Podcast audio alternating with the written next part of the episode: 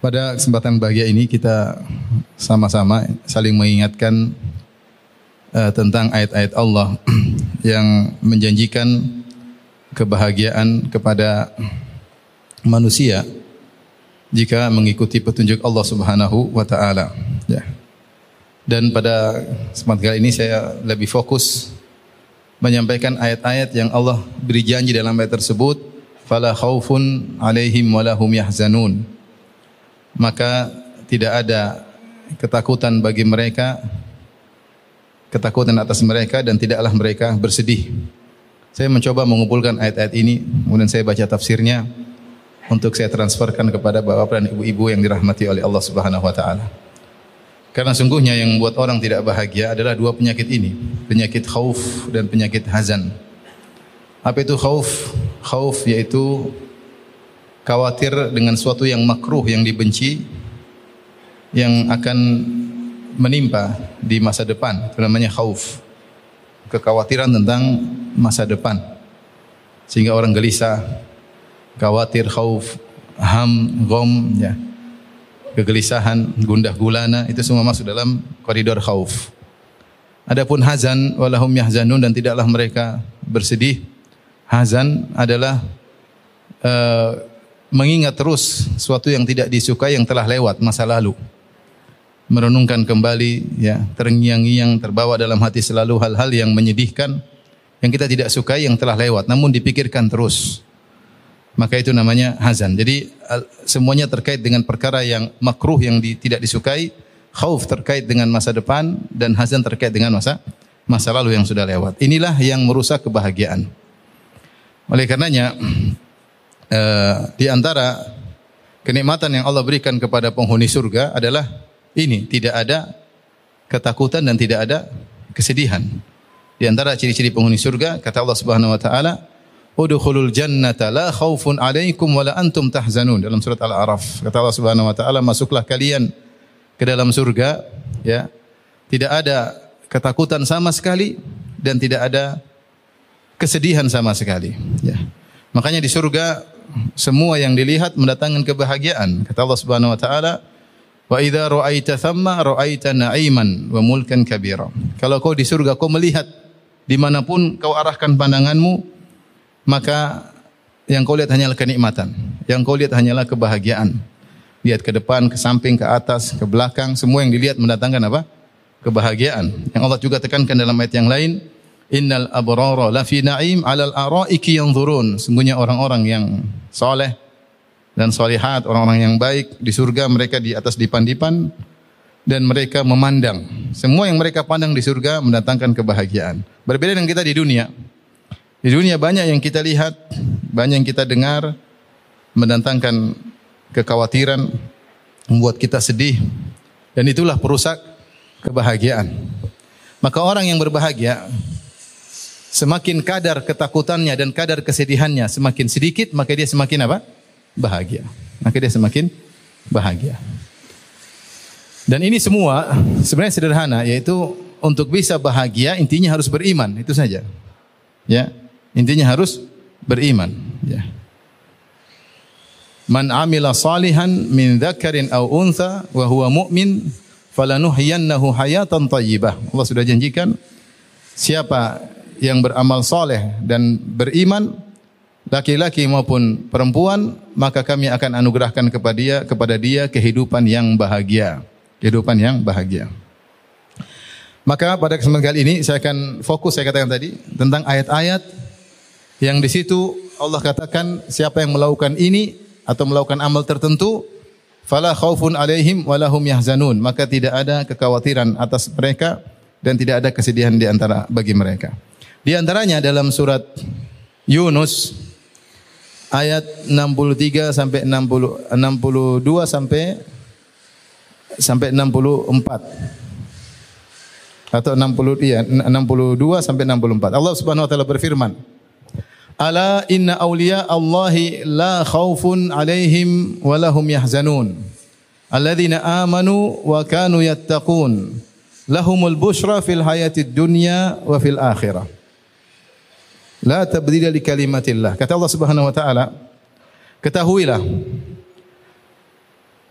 Au inna auliya Allah, sungguhnya wali-wali Allah. La khaufun alaihim, maka tidak ada kekhawatiran atas mereka. Walahum yahzanun dan mereka tidak bersedih. Siapa mereka? Alladzina amanu wa kanu yattaqun, yaitu orang-orang yang beriman dan bertakwa. Lahumul busyra bagi mereka kabar gembira. Fid dunya fil hayati dunya wa fil akhirah. Lahumul busyra fil hayati dunya bagi mereka kabar gembira dalam kehidupan dunia dan juga di akhirat. Ayat ini Allah mengatakan la khaufun alaihim wa lahum yahzanun. La khaufun alaihim kalau kita bicara tentang i'rabnya la khaufun maka salah satu dari metode Allah menafikan jins la nafiyatul jins bisa dengan mansub la khaufa tetapi dalam metode yang lain bisa dengan marfu la khaufun ketika tidak ada ihtimal menunjukkan dia adalah nafyu fard maka dia maknanya nafyul jins. Ya oleh karena dalam hadis Ummu Zara ya zauji ya suamiku nanti bilang la harrun wala qarrun. Dalam riwayat la harra wala qarra dalam riwayat la harrun wala qarrun terkadang dengan mansub terkadang dengan marfu seperti dalam ayat ini yang dimaksud dengan la khaufun maksudnya la nafiyatun lil jins yaitu tidak ada kekhawatiran sama sekali tidak ada kekhawatiran sama sekali ini yang pertama Kemudian Allah mengatakan la khaufun alaihim, tidak ada kekhawatiran atas mereka. Jadi Allah tidak ber, tidak mengatakan mereka wali-wali Allah ini tidak khawatir, enggak. Tapi Allah mengatakan tidak ada kekhawatiran atas mereka. Maksudnya apa? Orang lain yang melihat mereka tidak khawatir dengan mereka. Orang lain lihat mereka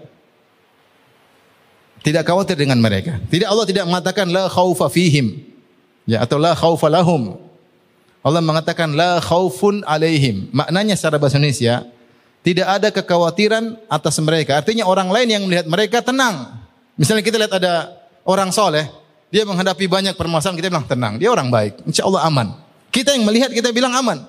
Kenapa? Karena kita tahu dia orang soleh, orang ini rajin sedekah, orang ini rajin baca Quran, orang ini sering ke masjid, tenang, aman. Dia bisa hadapi.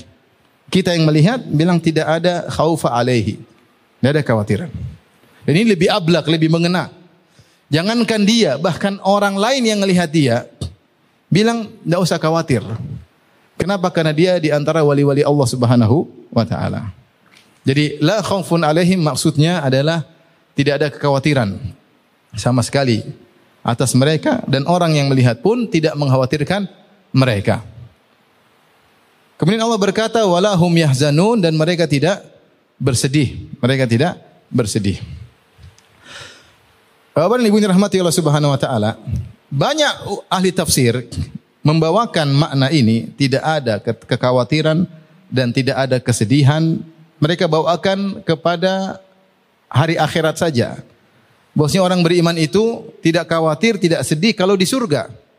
Adapun di dunia mereka mengalami kesedihan, mengalami kekhawatiran, mereka mengalami ketakutan, mereka mengalami sehingga mayoritas ahli tafsir membawakan ayat ini kepada makna nikmat akhirat. Kenapa? Karena kenyataan membuktikan di dunia orang beriman juga ada takut, ada sedih, ada khawatir dan yang lainnya. Ya. Tapi sebagian ahli tafsir, di antaranya Tahir bin Ashur, membawakan ayat ini umum. Kenapa? Karena di akhir ayat Allah mengatakan lahumul bushra fil hayatid dunya wa fil akhirah. Bagi mereka kabar gembira di dunia maupun di akhirat. Artinya mereka merasakan kebahagiaan itu bukan cuma di akhirat saja. Tetapi di dunia juga mereka merasakan. Mereka juga merasakan. Ini saya lebih condong pada pendapat ini. Bahwasanya tidak ada kekhawatiran, tidak ada kesedihan itu bukan cuma berlaku di surga saja. Tetapi orang-orang beriman ketika di dunia mereka juga tidak mengalami hal ini. Taib, bukankah kita dapati bahkan Nabi juga sedih, Nabi juga khawatir dan tidak ada yang melebihi keimanan Nabi SAW. Maka Tahir bin Ashur rahimahullah menjelaskan diri maksud dengan la khaufun alaihim maksudnya adalah la khaufun sabitun atau la khaufun mustaqirrun tidak ada ketakutan yang menetap. Benar ketakutan menimpa tapi kemudian akan sirna. Walahum yahzanun.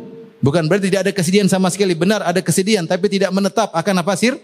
Sirna. Dan itulah sifat orang-orang beriman. Kalaupun mereka khawatir, kalaupun mereka sedih, maka akan segera sirna, segera hilang karena konsekuensi keimanan yang mereka miliki. Contoh Nabi wasallam ketika perang Badar, apakah Rasulullah SAW takut? Iya, Rasulullah SAW khawatir. Bagaimana tidak khawatir? Rasulullah SAW ketika itu cuma 315 orang atau 319, ada yang bilang 313. Sementara musuh seribu, Abu Jahal dan pasukannya seribu orang. Sampai Rasulullah SAW berdoa berulang-ulang di malam hari ketika para sahabat semua tidur, Rasulullah SAW tidak tidur, sholat malam. Sholat malam.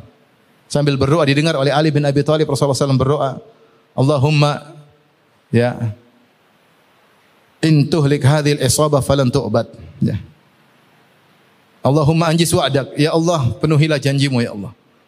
Untuk memenangkan kami. Ya Allah, jika kau binasakan kami, maka kau tidak akan disembah. Ini khawatir atau tidak? Khawatir. Dan berulang-ulang Nabi doa tersebut, diulang-ulang. Baik, malam harinya. Besoknya, ketika perang, Rasulullah SAW membangun aris, atau para sahabat membangun aris buat Nabi SAW semacam uh, teduhan ke kecil. Kemudian Rasulullah SAW bersama Abu Bakar berdua saja berdoa di situ. Sahabat yang lain perang. Maka Rasulullah SAW mengangkat kedua tangannya. Berdoa, Allahumma anjis wa'dak. Allahumma intuhlik hadhil isabah falan tu'bad. Ya Allah, penuhilah janjimu ya Allah. Kalau kau binasakan kami, kelompok kecil ini binasa, kau tidak akan disembah. Maka Rasulullah berdoa, Abu Bakar juga berdoa. Abu Bakar radhiyallahu anhu sudah selesai berdoa, Nabi masih terus berdoa. Sampai rida Nabi SAW jatuh. Karena terus berdoa. Kekhawatiran. Maka Abu Bakar mengambil ridak Nabi alaihissalam kemudian diletakkan di atas pundak Nabi. Abu Bakar berkata, "Ya Rasulullah, ba'dha munasyadatika." Cukup sebagian doamu ya Rasulullah, Allah akan mengabulkan. Tapi Rasulullah SAW tetap mengangkat kedua tangannya. Yang Allah abadikan dalam Al-Quran, "If tastaghithuna rabbakum fastajaba lakum, anni mumiddukum bi alfin minal malaikati murdifin." Ketika kalian beristighatsah kepada Allah. Tapi apakah Nabi takut terus? Tidak. Setelah itu Allah turunkan ayatnya bahwasanya Allah akan beri pertolongan, maka Nabi pun tenteram. Kemudian Rasulullah SAW mengatakan, sayuh zamul jam'u wa yuwalluna dubur. Sungguhnya pasukan tersebut akan kalah dan mereka akan kabur kocar kacir. Rasulullah tersenyum. Artinya kekhawatiran itu ada orang beriman. Tapi kekhawatiran tersebut tidak akan bercokol terus menerus. Akan hilang menjadi ketenteraman. Demikian juga Rasulullah SAW pernah sedih dan berulang-ulang kesedihan beliau. Di antaranya ketika anak beliau meninggal, Ibrahim di pangkuan Nabi wasallam. Ketika itu Rasulullah SAW tidak punya anak laki-laki, semua anaknya perempuan. Enam orang semuanya, empat orang semuanya perempuan. Kemudian lahir dari Maria Al-Qibtiyah, anak laki-laki yang sangat disayangi oleh Nabi Wasallam. Bahkan Nabi kasih nama dengan nama nenek moyangnya Ibrahim. Ternyata si kecil Ibrahim di pangkuan Nabi meninggal. Rasulullah SAW melihat bagaimana dia melepaskan nafas terakhirnya di pangkuan Nabi Shallallahu Alaihi Wasallam. Maka Rasulullah SAW pun menangis. Rasulullah SAW berkata, Innal aina la tadma, wa innal kuluba la yahzan, wa la nakulu illa bima yurdi Rabbana, wa inna bi firaqika ya Ibrahim la mahzunun. Kata Nabi SAW, sungguh kedua mata mengalirkan air mata. Sungguh hati ini sangat sedih. Ya, dan kami sedih dengan kepergian wahai Ibrahim. Akan tapi kami tidak berucap kepada Allah kecuali yang mendatangkan keridhaan Allah Subhanahu wa taala. Namun apakah kesedihan terus bercokol terus? Jawabannya tidak. Jadi Tahir bin Ashur dalam tafsirnya dia ingin menyatakan bahwasanya orang beriman dia akan tentram dan tenang. Ya. Karena konsekuensi keimanannya akan buat dia bahagia dan sudah banyak janjinya dalam dalam Al-Qur'an. Kalaupun dia mengalami kesedihan, maka sebentar akan selesai. Kalau dia mengalami ketakutan, kekhawatiran, maka sebentar kemudian akan sirna. Thumma anzala thumma anzala alaika summa anzalan sakinah. Allah pun menurunkan sakinah ketenangan kepada Nabi dan kepada kaum mukminin setelah tadinya ada kekhawatiran. Nah ini ayat ini menjelaskan bahwasanya orang beriman dia pasti tentram meskipun ada sedikit kesedihan tapi akan sirna. Meskipun ada sedikit kekhawatiran maka akan akan sirna. Lahumul busra fil hayatid dunya wa fil akhirah. Bagi mereka kabar gembira dunia maupun di akhirat. Nah, caranya bagaimana? maka harus jadi wali-wali Allah Subhanahu wa taala. Untuk jadi wali-wali Allah, bagaimana caranya? Allah jelaskan dalam ayat tersebut. Ala inna awliya Allahi la khaufun alaihim wa la yahum yahzanun. Ketahuilah bahwasanya wali-wali Allah tidak ada ketakutan, kekhawatiran atas mereka dan tidaklah mereka bersedih. Siapa mereka? Alladzina amanu wa kanu yattaqun, yaitu orang yang beriman dan ber takwa. Tidak ada cara lain untuk mendapatkan kebahagiaan kecuali dengan iman dan takwa. Siapa pun yang mencari kebahagiaan di luar iman dan takwa, kebahagiaan tersebut kebahagiaan semua hanya fata morgana, bukan hakiki. Anda mungkin lihat dia tertawa tapi hatinya belum tentu bahagia. Anda mungkin lihat dia hidup dalam kemewahan belum tentu hatinya apa? Bahagia. Kita lihat dalam sebagian negara, negara yang situ banyak ateis. Kalau mau dibilang apakah mereka bahagia, kita akan sebab kebahagiaan penuh di negara tersebut, keamanan, kemewahan, kenyamanan, hidup glamor, tapi banyak di antara mereka yang bunuh diri. Kenapa? Karena hati mereka tidak bahagia. Kebahagiaan tempatnya bukan di luar fisik, kebahagiaan tempatnya di mana? Di hati. Yang menguasai hati kita Rabbul Alamin. Dia akan beri kebahagiaan kepada orang yang beriman dan bertakwa. Memang orang beriman dan bertakwa Allah janjikan banyak ujian. Tapi dalam ujian tersebut mereka bahagia. Nabi SAW orang paling bahagia. Orang paling banyak ujian tapi paling apa? Bahagia. Ibnu Taimiyah rahimahullahu taala di penjara berulang-ulang. Delapan kali di penjara sampai meninggal di penjara. Apakah dia sengsara? Jawabannya tidak. Dia berkata, "Mada yaf'alu a'da'u bi? Mada yaf'alu a'da'i bi? Jannati fi qalbi." Apa yang tidak dilakukan oleh musuh-musuhku padaku? Surgaku di hatiku. Mau mereka bawa saya ke mana pun, saya bahagia. Mau dalam penjara, saya bahagia. Mau diusir, diasingkan, saya bahagia. Kata Ibn Taimiyah rahimahullah ta'ala. Makanya suatu perkataan emas dia berkata, Inna fil, fil, fil dunya jannatan Man lam yadkhulha lam yadkhul jannatal akhirah. Di dunia itu ada surga, itu kebahagiaan. Siapa yang tidak masuk dalam surga tersebut, maka dia tidak akan masuk surga di akhirat. Seakan-akan beliau berkata, kalau ada orang beriman tidak bahagia, imannya enggak beres. Ada orang beriman tidak bahagia, imannya enggak beres. Imannya dengan rukun iman yang enam ada masalah. Kenapa dia tidak bahagia? Ada masalah dengan imannya. Karena orang beriman pasti bahagia. Sampai sebagian salah berkata, Lau alimal muluk wa abna'ul wa abna'ul muluk ma alaina ma alaina minan naim la jaladuna alaihi. Seandainya para raja dan para pangeran tahu tentang nikmat yang kami rasakan kata orang soleh tersebut, tentu mereka akan merampas kenikmatan tersebut meskipun dengan pedang ingin rampas kenikmatan yang kami rasakan. Jadi ini poin penting. Kita ini hidup, tidak ada orang hidup tanpa problem. Ada orang hidup tanpa problem? Enggak ada. Mau kaya, mau populer, mau terkenal, mau ustad, enggak ustad ya. Mau ngaji enggak ngaji. Yang enggak ngaji saja dapat masalah apalagi yang ngaji. Bukankah semakin beriman semakin tinggi ujian? Jelas Allah sudah janji, Nabi sudah janjikan, Allah sudah janjikan.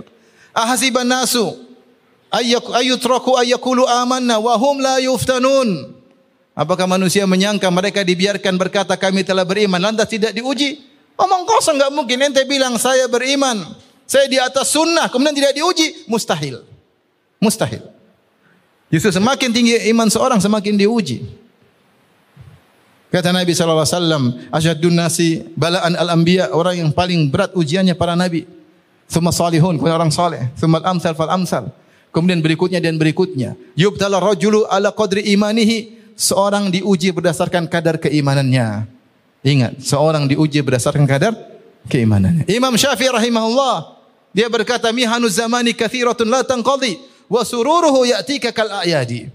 Kata Imam Syafi'i, ujian kehidupan ini banyak kathiratun la tanqadi, silih berganti tidak ada hentinya. Dan kesenangan datang cuma sesekali. Imam Syafi'i rahimahullah mentakbir tentang apa yang dia alami. Kata dia ujian banyak. Tapi orang beriman dalam ujiannya tersebut dia tetap berbahagia. Ini poinnya. Ya. Abu Bakar As-Siddiq diuji atau tidak?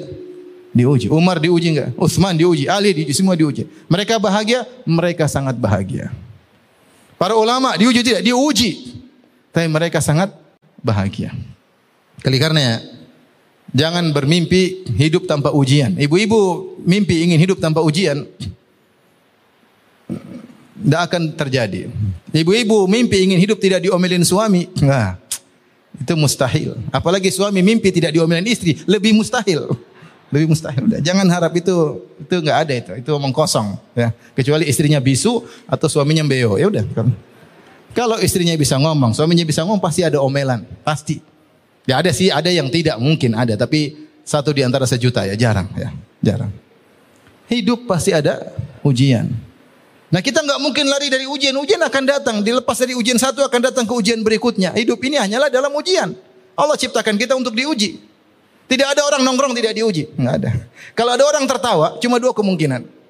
Satu, dia bahagia, dia bisa menghadapi ujian sehingga dia bisa tertawa dalam ujiannya. Yang kedua, dia baru lepas dari ujian tertawa karena akan masuk ke ujian berikutnya. Tidak ada orang tidak diuji. Ini hidup ini memang untuk di, diuji. Dari satu ujian ke ujian berikutnya. Kau dikasih istirahat sebentar, kemudian dikasih ujian apa? Berikutnya. Karenanya kunci untuk bahagia alladzina amanu wa kanu yattaqun, beriman dan bertakwa. Iman jelas, pelajari rukun iman dengan baik. Takwa meninggalkan maksiat. Siapa meninggalkan maksiat, semakin dia kuat meninggalkan maksiat, dia semakin bahagia. Otomatis kebahagiaan itu akan menyertainya, otomatis. Siapa yang berusaha mengikuti petunjuk Allah, dia pasti bahagia. Allah berfirman, "Faman tabi'a hudaya fala khaufun alaihim walahum yahzanun. Siapa yang mengikuti petunjukku dalam surat Al-Baqarah setelah Allah mengatakan kepada Nabi Adam dan Hawa turun ke bumi, Allah mengatakan faman tabi'a hudaya. Siapa yang mengikuti petunjukku, fala khaufun alaihim walahum yahzanun, maka tidak ada kekhawatiran atas mereka dan mereka tidak akan bersedih. Ini janji Allah. Dalam ayat yang lain kata Allah Subhanahu wa taala, "Famanittaba hudaya" dalam surat Thaha. "Famanittaba hudaya fala yadhillu wala yashqa." Siapa yang mengikuti petunjukku, dia tidak akan tersesat dan tidak tidak akan sengsara. Kalau tidak tersesat berarti selalu dapat apa? Hidayah. Hidayah. Kalau tidak sengsara berarti apa? Berarti bahagia. Berarti bahagia. Caranya gimana? Iman dan takwa. Makanya saya bilang kalau kita di rumah tangga, bagaimana cara bahagia? Bahagia, mudah, bertakwa.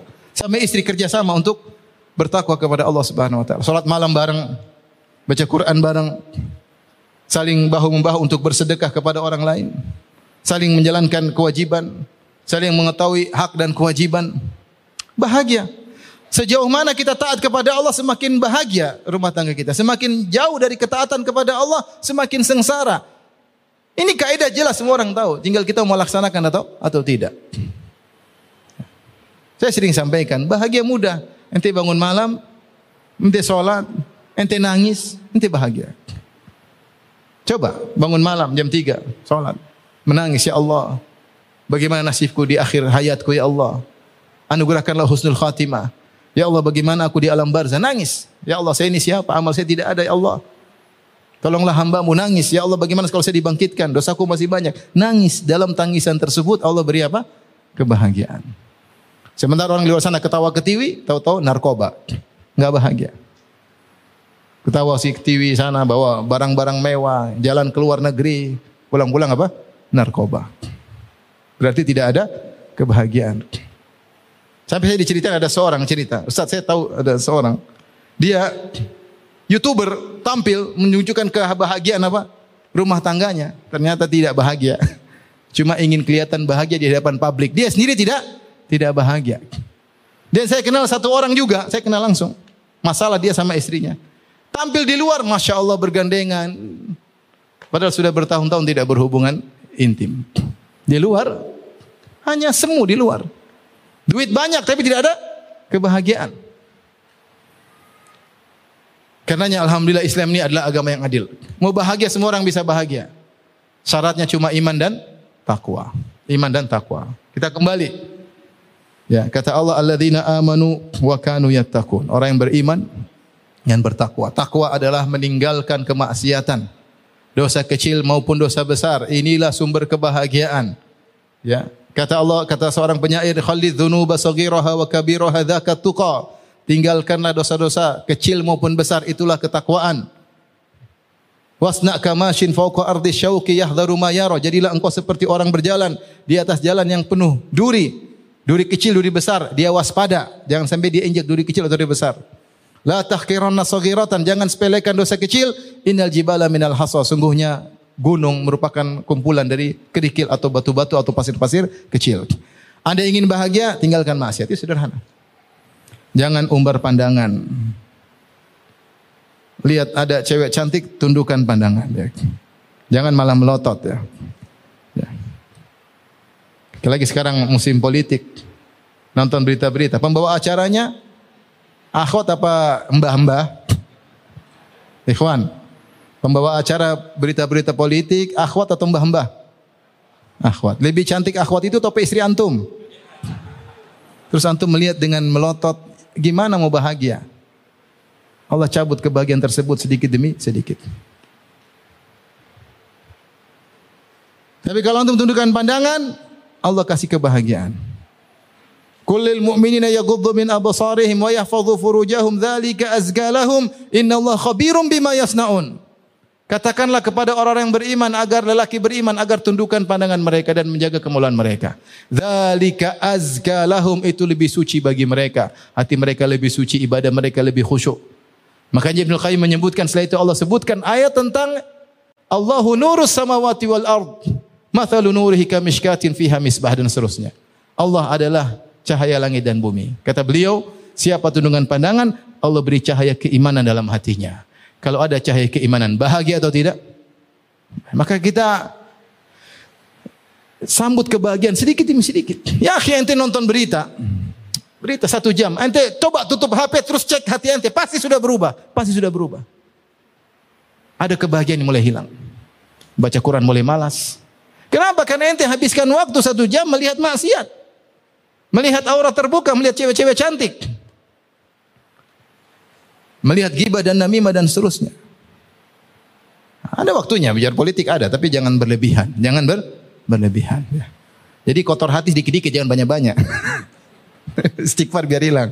Jadi lama-lama tiap hari dua jam, dua jam, dua jam. Ya pasti berpengaruh dalam kebahagiaan ada pasti. Nanti coba lihat cewek dua jam, lihat istri langsung istrinya jadi jelek. Padahal aslinya cantik. Apalagi kalau pas lampu mati. Baik. Jadi maksud saya, Syarat bahagia alladzina amanu wa kanu yattaqun. Orang-orang yang beriman dan bertakwa. Ini satu-satunya syarat untuk bahagia. Selain daripada ini tidak akan ada kebahagiaan. Kata Allah, "Wa man a'rada an dzikri fa inna lahu ma'isyatan dhanka." Siapa yang berpaling dari peringatanku, fa inna lahu ma'isyatan dhanka, maka bagi dia kehidupan yang menyesakkan, kehidupan sengsara. Mau hartanya banyak, mau tenar, mau terkenal, mau dipuji-puji orang, mau dihormati orang sedunia, dia tidak akan bahagia. Fa innalahu ma'isyatan dhangka. Bagi dia kehidupan yang menyesakkan. Zahirnya saja kelihatannya nyaman, hatinya sesak. Hatinya sesak. Benar betapa banyak orang kalau kita lihat dia, kita pingin seperti dia. Pingin seperti dia. Uh, Masya Allah. Mobilnya banyak, rumahnya besar. Terkenal ke mana-mana dikawal. Kita pingin seperti dia. Saya punya kawan dua, ini kisah nyata. Yang satu seperti itu, yang satu biasa-biasa. Yang terkenal tadi, yang yang ke mana-mana di dikawal, kemudian keluar negeri ke sana kemari, uangnya mungkin triliunan. Dia bilang sama teman saya yang uangnya sedikit, kamu jangan seperti saya. dia bilang demi Allah dia bilang gitu. Kamu jangan seperti saya, saya susah. Urusan banyak, waktu sama keluarga kurang. Waktu. Sementara orang kalau lihat dia pingin seperti dia. Dia saja pingin seperti yang yang lebih miskin dari dia. Kebahagiaan ukurannya di hati, bukan dari yang dilihat secara zahir. Ya. Bukan seperti yang kita lihat secara zahir. Zahir terkadang menipu. Makanya dalam sebagian ayat sebagian ulama menafsirkan wa man yurid an yudhillahu yaj'alhu sadrahu dayyiqan ka'annahu ya di mana? Ya so'adu fis sama. Kata Allah, siapa yang kami ingin sesatkan dia, kami jadikan dadanya sempit seakan-akan dia berjalan ke atas. Kita yang di bawah kelihatan orang di atas, di gunung misalnya. Kelihatannya dia bebas merdeka, padahal napasnya su susah. Itu zahirnya kelihatannya dia merdeka. Susah, padahal nafasnya apa? Sesak. Demikianlah banyak kita tertipu melihat orang kelihatannya di medsos kelihatannya bahagia, ketawa ketiwi, senang-senang, belum tentu. Kalau dia tidak beriman, tidak bertakwa, omong kosong dia bahagia. Mustahil, saya bilang mustahil. Saya katakan tadi Allah Maha Adil. Siapa saja bisa bahagia. Ente kaya bisa bahagia, ente miskin bisa bahagia, ente terkenal bisa bahagia, ente tidak terkenal juga bisa bahagia. Bahagia tidak di tangan orang, bahagia di tangan Allah Subhanahu wa taala. Sederhana antum bangun malam, bangunkan istri eh salat malam ente pasti bahagia. Lebih sayang sama istri, lebih cinta sama istri. Baca Quran, ayo mas, meroja mas. Apa meroja? Tiga kul. Meskipun tiga kul. Meroja. Kamu dengar ya? Apalagi kalau meroja surat Al-Baqarah. Masya Allah. Bahagia enggak? Bahagia sederhana. Enggak usah susah-susah. Taib, itu ayat salah satu ayat tentang la khaufun alaihim walahum yahzanun. Uh, tadi saya sebutkan juga uh, iman dengan mengikuti petunjuk Allah antum bisa lihat dalam surat Al-Baqarah ayat 38 dan juga dalam surat Toh saya enggak tahu ayat berapa ya. Ya, faman ittaba hudaya fala yadhillu wala yashqa di akhir, akhir surat Al-Baqarah ketika Allah bercerita kisah Nabi Nabi Adam, ya. Saya carikan ayatnya lah biar antum enggak sedih.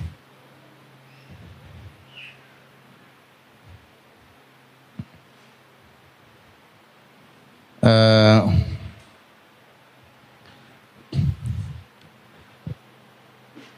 dalam surat Al-Baqarah ayat 123. Ya. Allah berfirman, "Qala bita minha jami'an. Turunlah kalian ke bumi. Ya, engkau dan Adam atau engkau dan iblis, eh, Adam dan Hawa turun atau engkau dan Adam dan iblis turun. Turunlah ke bumi seluruhnya. Ba'dhukum li ba'dhin adu, sebagian kalian menjadi musuh bagi kalian, maksudnya Adam dan iblis. Kemudian Allah berkata, "Fa imma ya'tiyannakum minni huda." Siapa yang datangkan didatangkan petunjuk dariku, famanittaba hudaya, maka siapa yang mengikuti petunjukku, fala yadhillu wala yashqa maka dia tidak akan seng, tidak akan tersesat dan tidak akan seng, sengsara. Ini terkait dengan kehidupan akhirat atau kehidupan di bumi? Kehidupan di bumi. Ya. Maka wala yashqa tidak sengsara itu maksudnya di di bumi dengan syarat mengikuti petunjuk Allah Subhanahu wa taala. Satunya lagi coba lihat surat Al-Baqarah ayat 38. Silakan buka. Surat Al-Baqarah ayat 38. Ini menguatkan penafsiran yang disebutkan tadi Tahir bin Ashur. Ya. Kata Allah Subhanahu wa taala, "Qala bitu minha jami'an." Turunlah kalian seluruhnya dari langit ke bumi. Adam, iblis, Hawa semua turun. Kemudian Allah berfirman, "Fa imma ya'tiyannakum minni." Ya. Maka barang siapa mengikuti petunjukku, faman tabi'a hudaya, ya.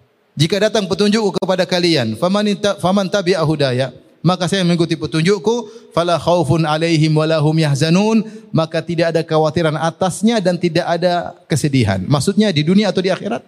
Di dunia di bumi. Ini dalil bahwasanya namanya kebahagiaan itu tidak ada khawatir tidak ada kesedihan bukan cuma di surga saja. Di bumi juga orang beriman akan merasakan ini kita tidak menafikan benar dia sedih kita juga sering sedih Orang-orang beriman juga sering sedih, para ambia juga sedih. Ada khawatir ada, tapi tidak bercokol akan sirna dengan cepat. Kenapa keimanannya, cahaya imannya begitu kuat sehingga kebahagiaan segera datang menghampirinya dan mengusir kesengsaraannya. Taib. Yang kedua, yang berikutnya ayat yang terkait dengan fala khaufun alaihim walahum yahzanun. Yang berikut yang saya ini hanyalah hanyalah perincian dari iman dan takwa. Hanyalah perincian dari iman dan dan takwa. Di antaranya Allah sebutkan tentang keikhlasan. Siapa yang ikhlas dia bahagia. Kata Allah dalam surat Al-Baqarah 112. Bala man aslama wajhahu lillah wa huwa muhsinun falahu ajru inda rabbih wala khaufun alaihim wala hum yahzanun. Justru siapa yang aslama wajhahu, hampir seluruh ahli tafsir mengatakan siapa yang ikhlas. Kata Allah siapa yang menyerahkan wajahnya kepada Allah, maksudnya ikhlas. Dia fokus orientasinya hanya untuk Allah Subhanahu wa taala. Ketika dia beramal soleh, dia tidak mengharapkan pujian, tidak mengharapkan sanjungan, tidak mengharapkan pengakuan, tidak mengharapkan penghormatan, tidak mengharapkan orang-orang melayani dia, tidak sama sekali. Dia murni karena Allah Subhanahu wa taala. Ditambah lagi wahwa muhsin, dia punya sifat ihsan. Orang ini yang bahagia, kata Allah, falahu ajru inda rabbih maka bagi dia pahala di sisi Allah yaitu di surga. Di dunia wala khaufun alaihim wala hum yahzanun. Tidak ada kekhawatiran, tidak ada kesedihan. Baik. Ayat ini bahwasanya orang ikhlas bahagia didukung juga dengan makna yang sama dalam surat Al-Baqarah ayat 262. Kalau tadi ayat berapa? 112. Sekarang ayat surat Al-Baqarah 262. Allah berfirman, "Alladzina yunfiquna amwalahum fi sabilillah thumma la yutbi'una ma anfaqu mannan wala adha lahum ajrum inda rabbihim wala khaufun alaihim wala hum yahzanun orang-orang yang berinfak menginfakkan harta mereka di jalan Allah yaitu bersedekah berbuat kebaikan. Thumma la yutbi'una ma anfaqu mannan wala adha. Kemudian mereka tidak mengikutkan infak mereka dengan man dan adha. Man itu merasa punya utang budi sama orang. Ah, saya sudah bantu dia. Itu namanya man, merasa punya utang jasa, punya jasa sama orang. Itu namanya man. Terkadang dia ungkapkan, terkadang dia merasa dalam dirinya. Ini kurang ikhlas. Kurang ikhlas. Berarti dia ketika berbuat baik dia berharap jasanya di dibalas. Kurang ikhlas. Wala adzan dan dia tidak mungkin-mungkin untuk menyakiti orang tersebut. Eh, saya kan sudah pernah bantu kamu, kamu lupa ya waktu kamu lagi susah. Ya, kamu lupa lah. Yang belikan kamu ini siapa yang kamu lupa ya? Itu namanya adzan. Siapa yang bersedekah, sedekahnya bersih dari ini, tidak merasa punya jasa kepada orang dan tidak ungkit-ungkit untuk menyakiti hati orang yang dia bantu tersebut berarti dia ikhlas. Orang ini kata Allah, fala khaufun lahum ajrum inda rabbihim wala khaufun alaihim wala hum yahzanun. Mereka dapat pahala khusus di sisi Allah dan mereka tidak khawatir dan mereka tidak bersedih. Kenapa? Karena mereka ikhlas. Ini penting ikhwan, yang buat kita tidak bahagia karena kurang ikhlas. Tapi kalau kita ikhlas, semakin kita ikhlas kita semakin apa? Bahagia. Karena kita tidak butuh, butuh komentar dari orang lain dan kita tidak butuh balas budi dari orang lain. Apa kata Allah tentang para penghuni surga? Ya. Mereka berkata, Inna nut'imukum liwajihillah. Sungguhnya kami ini memberi makanan kepada kalian karena mencari wajah Allah karena ikhlas. La nuridu minkum jazaan wala syukura. Kami tidak butuh balasan dari kalian dan tidak butuh terima kasih dari kalian. Di antara ciri-ciri orang tidak ikhlas, dia menunggu. Perhatikan. Menunggu dipuji, menunggu dibalas kebaikan. Itu tidak ikhlas. Cek diri kita. Ketika kita berbuat baik kebaikan, kita butuh nunggu, nunggu, nunggu dipuji enggak? Berarti kita masih enggak beres. Ini merusak kebahagiaan kita. Kita masih nunggu gak dibalas kebaikan kita oleh dia? Kalau kita masih nunggu berarti belum ikhlas. Intidharus sawab minan nas. Menanti-nanti ganjaran dari manusia. Jangankan mendapat, menanti saja itu berarti belum belum ikhlas. Maka ini yang menunggu merusak kebahagiaan. Orang semakin ria, semakin ingin diakui. Sebagian orang mungkin apa? ingin tampil selalu perfect, top, agar dipuji, agar diakui, agar dihormati, agar dicium tangannya, agar agar agar selalunya. Ini orang tidak bahagia. Hidup dalam kesemuan, kebahagiaan itu di hati, bukan dari komentar manusia sama kita. Kebahagiaan itu cahaya yang Allah berikan dalam hati manusia. Meskipun tidak orang, tidak ada orang lihat kita, kita bahagia sendiri. Tidak butuh pengakuan orang lain.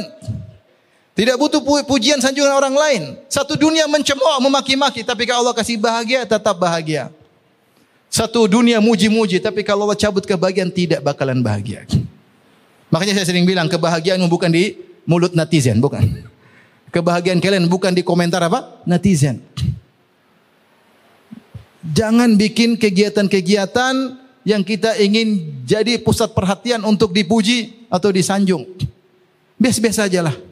Agar kita terbiasa untuk biasa-biasa, tidak menanti sanjungan mereka. Tapi kita kalau sudah mulai membre, apa, membranded diri sendiri, mulai bikin gaya terlalu banyak gaya supaya diakui orang, dilihat orang, kita akan tersiksa sendiri. Kapan kita tidak tampil sebagaimana perfect yang biasanya, kita sendiri nggak enak mau tampil, nggak enak dilihat orang, kita susah sendiri. Karena kebahagiaan kita di tangan mereka, bukan dalam hati kita. Biasa-biasa aja. Jadi yang merusak kebahagiaan kita itu kalau tidak tidak ikhlas. Jengkel atau tidak? Kita bantu orang, terus orang itu maki-maki kita. Jengkel atau tidak? Jengkel karena kita nunggu pujian dia. Itu dibantu malah maki-maki, kurang ajar. Tapi kalau kita ya sudahlah. Urusan saya dengan Tuhan, bukan dengan dia. Dia mau maki, dia nggak ngakui, dia mengingkari. Urusan saya dengan Tuhan, Allah sudah tahu saya bantu. Selesai. Saya tidak bermuamalah dengan dia. Saya bermuamalah dengan Rabbul Alamin. Jadi ini Bala man aslama wajhahu. Justru siapa yang menyerahkan wajahnya kepada lillah kepada Allah, dia ikhlas. Maka ikhwan dan akhwat, bapak dan ibu-ibu yang dirahmati Allah Subhanahu wa taala, agar kita hidup la khaufun alaihim walahum yahzanun. Tidak ada kekhawatiran atas mereka, tidak ada kesedihan, maka paksa diri untuk ikhlas, latih diri untuk ikhlas. Caranya untuk ikhlas di antaranya latih diri untuk untuk ibadah sendirian tidak ada yang lihat. Afan Ustaz sampai jam berapa? Oh, setengah sebelas. Okay. Masalahnya jadwal makannya biar jelas. Makan siang. Oke, setengah sebelas ya. Jadi latih diri kita untuk apa? Untuk ibadah sendirian. Salat malam, baca Quran sendirian di pojok. Dan latih diri kita untuk tidak selalu jadi pusat perhatian. Sebagian orang suka ada sedikit-sedikit foto, pamer, sedikit-sedikit biar orang lihat terus. Nah, kita terbiasa jadi bahan komentar orang. Hati ini lemah, hati ini lemah. Akhirnya kita merasa nyantai, merasa enjoy dengan komentar orang setiap hari.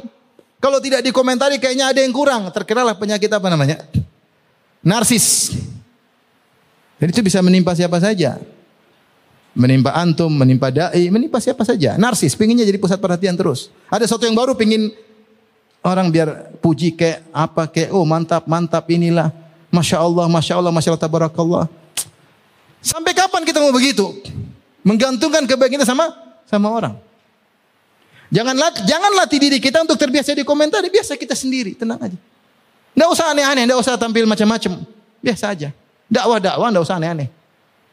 Karena kita nanti yang sengsara sendiri.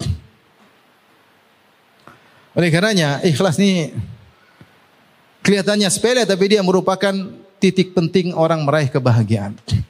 Siapa yang hatinya fokus kepada Allah Subhanahu wa taala, dia mencari keridhaan Allah, orientasinya hanya Allah Subhanahu wa taala, Allah mudah berikan dia kebahagiaan. Makanya orang sholat malam. Kalau orang sholat malam, kita tahu dia orang soleh. Mungkin masalah bertumbuk pada dia. Masalah ini, masalah anu, mas, tapi dia masih tersenyum biasa-biasa saja. Kenapa? Allah telah janjikan kepada dia, la khaufun alaihim walahum yahzanun. Masalah bertumbuk tapi dia bisa hadapi. Kita lihat dia tenang, oh tenang, dia bisa hadapi, dia orang soleh. Insya Allah lewat. Bisa dihadapi. Kenapa? Dia orang soleh. Kita khawatir kepada siapa? Khawatir orang yang jauh dari Allah. Kita khawatir gimana nanti dia nanti gimana ini? Kita khawatir sama dia. Taib. Di antara juga sumber kebahagiaan masih dalam koridor ayat la khaufun alaihim walahum yahzanun. Adalah orang yang suka berinfak, membagi kebahagiaan kepada orang lain. Allah berfirman dalam surat Al-Baqarah ayat 274. Kata Allah Subhanahu wa taala, "Alladzina yunfiquna amwalahum bil-laili wan-nahari sirran wa alaniyah." Dan orang-orang yang menginfakkan harta mereka di malam hari atau di siang hari, sirran wa alaniyah, sembunyi-sembunyi maupun terlihat. Falahum ajruhum inda rabbihim. Maka bagi mereka pahala mereka di sisi Allah Subhanahu wa taala. Wala khaufun alaihim wala hum yahzanun. Dan tidak ada kekhawatiran atas mereka dan mereka tidak bersedih. Maka di antara sebab seorang bahagia adalah berinfak. Tapi harus ikhlas kepada Allah.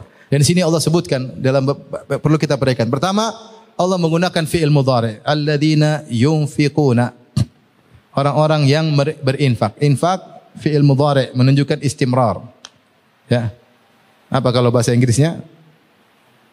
Bukan pas apa present continuous apa? Tense ya, begitu katanya terus menerus berkesinambungan. Makanya Allah katakan bilail wan nahar. Siang malam, siang malam. Kapan dia ada kesempatan? Siang dia infak. Kadang kesempatan malam dia berinfak. Dia mau transfer siang oke, okay, malam juga oke. Okay. Tinggal pencet klik, paham? Siran wa alania, depan orang oke, okay, sembunyi-sembunyi juga oke. Okay. Ada orang, sudah, ada orang sudah, bismillah kasih. Ada waktunya sendiri-sendiri, sembunyi nggak ada yang tahu, dia infak. Selalu suka berinfak.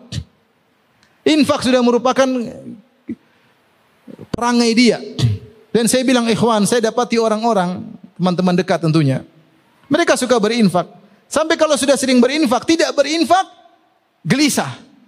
Infak sudah merupakan kecanduan bagi mereka. Candu, pingin berinfak. Enggak berinfak, uang ngapain Ustaz? Ini mau diapain? Candu, mau taruh ke mana? Cuma dia kadang kadang tanya supaya tahu taruh di mana yang lebih baik. Kenapa kecanduan? Jangan sampai kebalik, kecanduan pelit. Pelit hukum asal. Rubah. Sering berinfak latihan lama-lama kecanduan. Ya Allah ente keluarkan Allah ganti. Ya benar Adam anfik unfik alaik. Wahai anak Adam infaklah aku akan berinfak kepadamu. Allah ganti dengan lebih lebih baik, lebih baik, lebih banyak, lebih berkah. Dan di antara kenikmatan yang disegerakan adalah orang yang berinfak bahagia. La khaufun alaihim walahum yahzanun. Tidak ada kekhawatiran, tidak ada kesedihan. Infak sebab menolak kekhawatiran dan menolak kesedihan. Ente sering sedih, banyak berinfak. Pilih harta yang ente senangi, infak, insya Allah sedih hilang. Ente suka ngomel-ngomel, infak. Biar kurang ngomelnya. Infak. Ini yang atur hati kita siapa? Allah. Ketika infak Allah tahu atau tidak? Tahu. Sedikit banyak ikhlas tidak siang hari malam hari. Besar kecil Allah tahu. Dan ini sifat yang harus kontinu pada seseorang jika dia memiliki harta. Alladzina yunfiquna. Yang orang-orang yang kontinu dalam berinfak siang dan malam terang-terangan atau sembunyi-sembunyi menginfakkan harta mereka. Di antara sebab-sebab disebut oleh para ulama di antaranya kenapa orang berinfak bahagia? Di antaranya gampang al jaza menjizil amal, balasan sesuai dengan perbuatan. Ketika dia membagikan kebahagiaan kepada orang lain, Allah kasih dia juga apa? Bahagia. Dalam hadis banyak sekali. Ya. Man nafasa kurbatan. Siapa yang menghilangkan atau mereng, nafas itu bukan menghilangkan, meringankan. Bisa jadi hilang, bisa jadi cuma ringan, tetap ada tapi ringan. Nafas seperti membuat dia ya nafas. Tadinya sempit bisa bernapas dikit. Siapa yang mengurangi penderitaan saudaranya, maka Allah akan kurangi penderitaannya. Ajasan misal amal. Ya. Wallahu fi aunil abdi maka al abdu fi auni akhihi. Allah senantiasa menolong seorang hamba selama seorang menolong saudaranya. Siapa yang berikan kebahagiaan kepada orang lain, Allah akan berikan kebahagiaan kepada dia. Ya, ada orang susah, nangis setengah mati kita bantu. Ya Allah, sebelum dia bahagia kita lebih kita bahagia lebih dahulu. Sebelum dia bahagia, kita lebih bahagia lebih dahulu. Kebahagiaan dia mungkin semu cuma sebentar, kebahagiaan kita abadi. Gara-gara kasih infak sama dia, Allah kasih kita bahagia di dunia dan berlanjut sampai di surga kalau kita ikhlas kepada Allah Subhanahu wa taala bahagia abadi. Oleh karenanya orang yang berinfak akan diberi kebahagiaan. Kemudian juga di antaranya saya bacakan ini perkataan Syekh uh, Sa'di kalau tidak salah ya. Beliau berkata wa hadza bisyaratun lil munfiqin bi tibil aishi fid dunya. Dan ini adalah kabar gembira. Ya. Atau kalau enggak Tahir bin Asyur saya lupa, saya nukil saya lupa tulis sumbernya. Ini adalah kabar gembira bagi orang berinfak dengan hidup yang baik di dunia fala yakhafuna i'tida'a al-mu'tadin. Maka dia tidak perlu khawatir ada orang yang melakukan pelanggaran terhadap dia. Li'anna Allah aksabahu mahabbatan nas iyahum. Karena Allah orang Allah membuat orang-orang suka sama dia. Dia tidak cari pujian manusia. Tapi kalau dia sering kasih sering kasih orang senang sama dia atau tidak? Senang. Meskipun tidak dia cari otomatis Allah buat orang buat orang-orang senang sama dia. Sehingga dia tidak perlu khawatir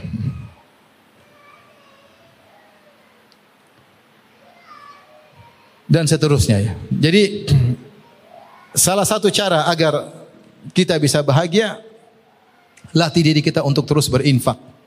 Ya. Kalau kita punya harta banyak, infak yang besar. Kalau kita punya harta sedikit, infak sedikit. Yang penting kita berinfak. Makanya Rasulullah SAW mengatakan, Ittaqun nar walau bisyakkit tamrah. Jagalah dirimu dari neraka jahanam meskipun berinfak sepenggal apa? Korma. Bukan diajar pelit oleh Nabi, bukan. Tapi kalau kamu punya harta cuma satu korma, infaklah sepenggalnya. Ada nilainya di sisi Allah Subhanahu wa taala. Ya.